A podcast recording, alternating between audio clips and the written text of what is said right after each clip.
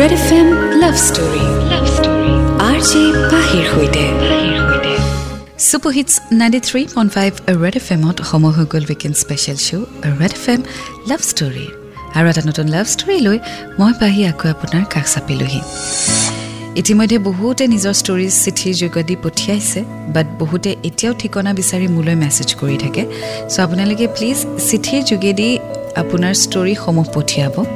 ঠিকনাটি Facebook আৰু ইনষ্টাগ্ৰামত আছে। তথাপিও মই এতিয়া কৈ দিছোঁ আমাৰ ঠিকনাটি হৈছে red F M office Jupitora palace first floor A B C G S road Tarun Nagar আৰু আমাৰ পিনক'ড হৈছে Guwahati seven eight one double zero' five so' আপোনালোকে প্লিজ চিঠিখন লিখি পঠিয়াই দিব। খালি এটা কথা মন কৰিব যাতে আপোনাৰ চিঠিখন বহুত বেছি চুটিকৈ নিলিখিব তেতিয়াহ'লে আমাৰ অকণমান অসুবিধা হয় ড্ৰামা দিবলৈ। গতিকে যি যি ঘটনা আছে যি যি মেমৰেবল মুমেণ্টছ আছে বা ফিলিংছ আছে বা যদি কিবা তেনেকুৱা ইনচিডেণ্ট আছে আপোনাৰ ষ্টৰিত তেতিয়াহ'লে সেইখিনি ডিটেইলছত লিখিবলৈ নাপাহৰিব। চ' চিঠিখন লিখিব আৰু এটা কথা মন কৰিব যাতে আপোনাৰ বয়স ওঠৰ বছৰতকৈ বেছি হয় আৰু আপোনাৰ ষ্টৰিত যাতে কোনো ধৰণৰ ভায়লেঞ্চ নাথাকে আৰু প্লিজ ছ'চিয়েলি যাতে একচেপ্টেবল এখন ষ্টৰি হয় সেইটো পঠিয়াব আৰু আমি এটা ড্ৰামা বা নাটকীয় ৰূপ দি ষ্টৰিটো আপোনাৰ আগলৈ আনিবলৈ চেষ্টা কৰিম। আজিও ঠিক একেদৰে এখন চিঠি হাতত তুলি লৈছোঁ আৰু এই চিঠিখন পঠিয়াইছে ধেমাজিৰ পৰা ধনীৰাম সোণোৱালে। গতিকে তেওঁৰ ষ্টৰি শুনিম তেওঁৰ ষ্টৰিটিৰ নাম দিছে মোৰ আধৰুৱা প্ৰেম। চ' অকণমান অপেক্ষা কৰক and ninety three point five Red F M বেজাতে ৰহো। Red F M love story love story R J পাহিৰ সৈতে। Super Hits 93.5 Red FM and welcome back. চলি আছে weekend special show' Red F M love story আজি শুনিম আমি ধনীৰাম সোণোৱালৰ love story মোৰ আধৰুৱা প্ৰেম তেওঁ লিখিছে হাই পাহিবা মোৰ নাম ধনীৰাম সোণোৱাল মোৰ ঘৰ ধেমাজিত বৰ্তমান মই ফাৰ্ষ্ট ছেমিষ্টাৰৰ ছাত্ৰ পাহিবা আপোনাৰ প্ৰতিটো লাভ ষ্টৰী মই শুনো আপোনাৰ কণ্ঠত প্ৰতিটো ষ্টৰী হৈ পৰে সুমধুৰ আপোনাৰ মই একান্ত অনুৰাগী আপোনাৰ অনুষ্ঠানটো যেন সদায় চলি থাকে। আশা কৰোঁ আপোনাৰ কণ্ঠত মোৰ ষ্টৰিটো পুলকিত হ'ব। পাহিবা মই মোৰ লগৰ এজনৰ লগত কলেজ এখনৰ স্পৰ্টছ প্ৰগ্ৰেমত গৈছিলোঁ। তাতে ফাৰ্ষ্ট ইয়েৰৰ এজনী ছোৱালীয়ে ডান্স কৰিছিলে। তাইক দেখি ক'ব নোৱাৰোঁ কি ভাল লাগি গ'ল। তাইক নিজৰ কৰা বাসনা জাগি উঠিলে। প্ৰগ্ৰেমৰ শেষত মই তাইৰ পৰিচয় অৰ্থাৎ চিনাকি হ'বলৈ মই তাইৰ পিছে পিছে গ'লোঁ। গম পালোঁ তাই ধেমাজিৰে এখন কলেজত পঢ়ি আছিলে ঘৰত থাকি। চ' আজি আমি শুনি গৈ থাকিম ধনীৰামৰ লাভ ষ্টৰী মোৰ আধৰুৱা প্ৰেম। Ninety three point five Red F M বজাতে ৰহো।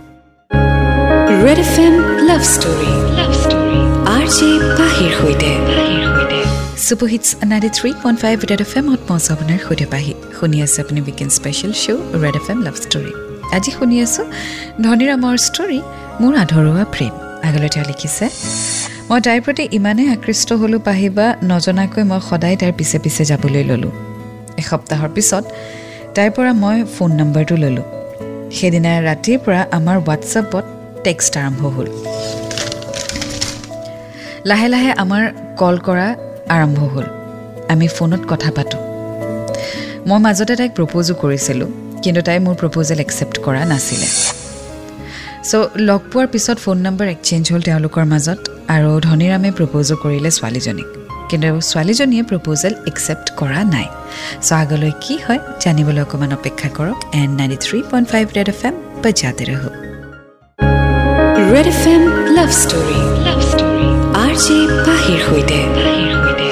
super hits ninety three point five Red F এমত মই আছোঁ আপোনাৰ সৈতে পাহি আৰু আপুনি শুনি আছে weekend special show' Red F M love ষ্টৰীত আজি ধনীৰামৰ ষ্টৰী আধৰুৱা প্ৰেম। ইতিমধ্যে গম পালোঁ যে ধনীৰামে সেই ছোৱালীজনীক প্ৰপ'জ কৰিছিলে কিন্তু ছোৱালীজনীয়ে একচেপ্ট কৰা নাই। আগলৈ তেওঁ লিখিছে এদিন জন্মাষ্টমীৰ ৰাতি মই তাইক সুধিছিলোঁ যে তাই মোৰ প্ৰপ'জেল কিয় একচেপ্ট কৰা নাই। তাই এনেই বুলি ক'লে।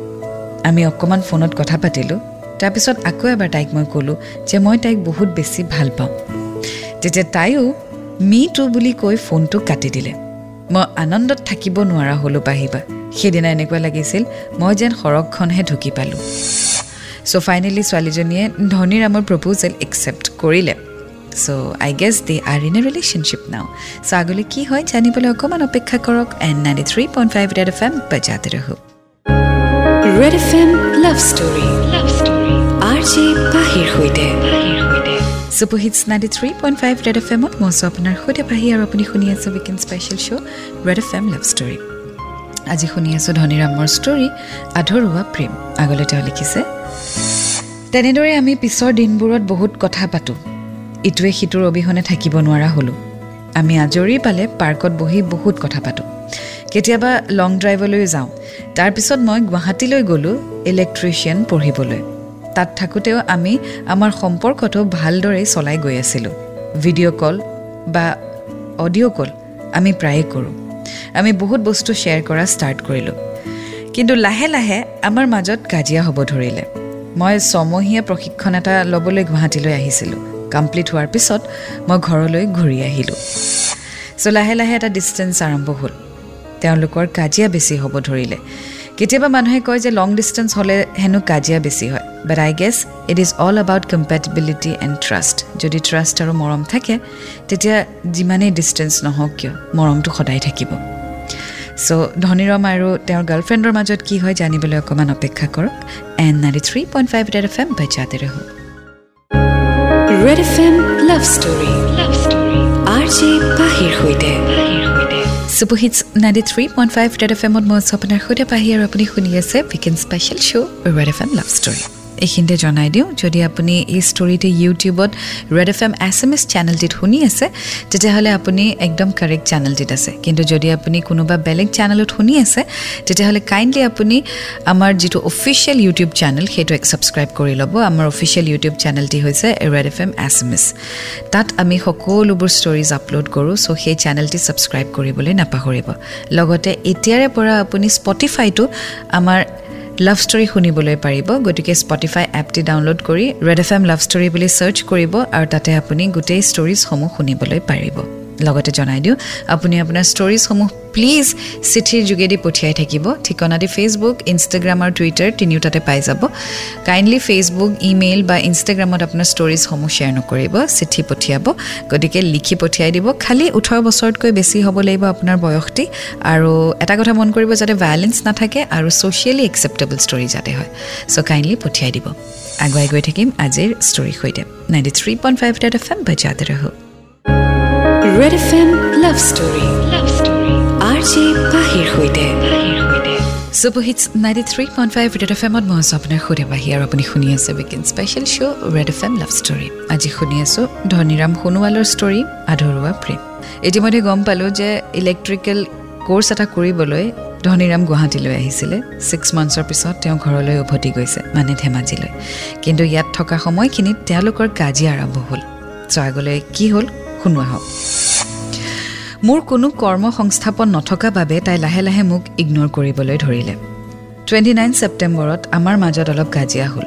মই সেইদিনা বিশেষ কাম এটাত ব্যস্ত আছিলোঁ বাবে তাইক মই কল কৰা নাছিলোঁ। আৰু এছ এম এছৰ ৰিপ্লাইও দিব পৰা নাছিলোঁ। তাই সেইটো কথাতেই খং কৰি মোক ক'লে যে আৰু যাতে মই কেতিয়াও তাক ফোন নকৰোঁ আৰু তাইৰ হেনো বিয়া ঠিক হৈছে। আৰু এই কথাটো কৈ তাই ফোনটো কাটি দিলে। মই ফোন কৰোঁতে তাইৰ ফোন অফ পালোঁ। পিছদিনা আগবেলাও ফোন অফেই আহিলে। মই যেনেকৈ নহওক মই মোৰ লগৰ এজনৰ সৈতে তাইৰ ঘৰলৈ যাম বুলি ভাবিলোঁ। তাইৰ ঘৰলৈ যাম বুলি ভবাতেই তাইৰ মাকে ফোন কৰিলে মোক আৰু মোক বহুত বেয়াকৈ ক'লে। চ' বেচিকেলি ছোৱালীজনীয়ে ব্ৰেকআপ বিচাৰিছে। মানে ৰিলেশ্যনশ্বিপটোৰ পৰা ওলাব বিচাৰিছে। আৰু প্ৰবেবলি তাই কথাখিনি মাকৰ লগতো শ্বেয়াৰ কৰিছে গতিকে সেইকাৰণে মাকেও ধনীৰামক ফোন কৰি অকণমান টানকৈ ক'লে চ' ধনীৰাম বাৰু ফ্ৰেণ্ডৰ সৈতে যাবনে? জানিবলৈ অকণমান অপেক্ষা কৰক and ninety three point five Red F M বেজাতে ৰহ Red F M love story. Love story. R J পাহিৰ সৈতে। Super hits ninety three point five Red F এমত মই আছোঁ আপোনাৰ সৈতে। পাহি আৰু আপুনি শুনি আছে weekend special show' Red F M love story. আজি শুনি আছোঁ ধনীৰামৰ ষ্টৰী আধৰুৱা প্ৰেম। আগলৈ তেওঁ লিখিছে তাইও মাকৰ পৰা ফোনটো লৈ মোক বহুত গালি পাৰিলে। ইমান বেয়াকৈ ক'লে আপুনি বিশ্বাস নকৰিব পাহিবা। মই লগৰজনৰ লগত তাইৰ ঘৰত যাম বুলি ভাবিছিলোঁ কিন্তু সাহস নহ'ল আৰু। আমি নগ'লোঁ। ইমান দিনে তাই মোৰ লগত খেলা কৰিলে। মই বহুত ভাল পাইছিলোঁ তাইক পাহিবা। মই তাইক পাবলৈ বহুত কষ্ট কৰিছিলোঁ। কিন্তু তাই মোৰ লগত খেলা কৰিলে। বৰ কষ্টৰে দিন অতিবাহিত কৰি আছোঁ। এটা সামান্য ভুলৰ বাবে ইমান শাস্তি। মোক বৰ প্ৰতাৰণা কৰিলে। অৱশেষত তাই সুখী হওক সেইটোৱে মই কামনা কৰোঁ। এয়া আছিলে মোৰ লাভ ষ্টৰী পাহিবা। আন কাৰো লগত যাতে এনে নহওক সেয়াই মই ভগৱানৰ আগত প্ৰাৰ্থনা কৰিম। হৃদয় ভঙা কষ্ট বৰ অসহ্যকৰ। এতিয়া আপোনাৰ ভাইটি Dhaniram. Well Dhaniram thank you so' much তুমি তোমাৰ ষ্টৰী শ্বেয়াৰ কৰিলা। কিন্তু এটা কথা সদায় মনত ৰাখিবা এক্সপিৰিয়েঞ্চে আমাক বহুত বস্তু শিকায়। আজি এইটো তোমাৰ এটা এক্সপিৰিয়েঞ্চ হ'ল। তুমি এটা শিক্ষা পালা। আৰু ইয়াৰ পৰা চাবা তুমি আৰু ইমানখিনি এটা লাৰ্ণিং হ'ব নহয় ইমানখিনি তুমি মেচিয়ৰ্ড হ'বা তুমি নিজেই গম নাপাবা যে কেতিয়া তোমাৰ এই মেচিয়ৰিটিখিনি আহিলে। চ' এটা কথা সদায় মনত ৰাখিবা য'ত কণ্ডিশ্যন থাকে সেইটো কেতিয়াও প্ৰেম নহয়। ইফ ইট ইজ আনকণ্ডিশ্যনেল তেতিয়াহ'লে সেইটো প্ৰেম। কিছুমান বস্তু ছোৱালীও বিচাৰে কিছুমান বস্তু ল'ৰাও বিচাৰে সেইটো হৈছে প্ৰেমৰ এক্সপেক্টেশ্যনছ কিন্তু কণ্ডিশ্যন মানে স্বাৰ্থ থকাটো কিন্তু ঠিক নহয়। চ' য'তেই তোমাক কোনোবাই স্বাৰ্থ দিব তেতিয়াই গম পাবা যে সেইটো প্ৰেম নহয়। সেইটো কণ্ডিশ্যন দি আছে তোমাক। কিন্তু য'ত নিস্বাৰ্থভাৱে তোমাক প্ৰেম কৰিছে বা তোমাৰ পৰা কিবা এক্সপেক্টেশ্যন আছে সেইটো কিন্তু প্ৰেম। আৰু সেই এক্সপেক্টেশ্যনছখিনি কিন্তু তুমি ৰাখিব পাৰিবই লাগিব। ঠিক সেইদৰে ছোৱালীজনীও ৰাখিব জানিব লাগিব। So' this is just the beginning এতিয়া বহুত সময় আছে বহুত মানুহ লগ পাবা তুমি জীৱনত। কিমান মানুহ তুমি লগ পাবা তুমি নিজেই নাজানা। গতিকে ইয়াতে শেষ নহয়। এয়া তোমাৰ আৰম্ভণি। I wish you all the best তোমাৰ পঢ়া কমপ্লিট হোৱাৰ পিছত চাকৰিয়াল জীৱন এটা আছে। তাতো তুমি বহুত মানুহ লগ পাবা। গতিকে wait for the right one so' এয়া আছিলে আজিৰ ষ্টৰী এটা নতুন ষ্টৰীৰ সৈতে আকৌ লগ পাম। Until then do fall in love it's a great feeling you will get to learn a lot and always remember I love you ninety three point five F M বেজাতে ৰাখোঁ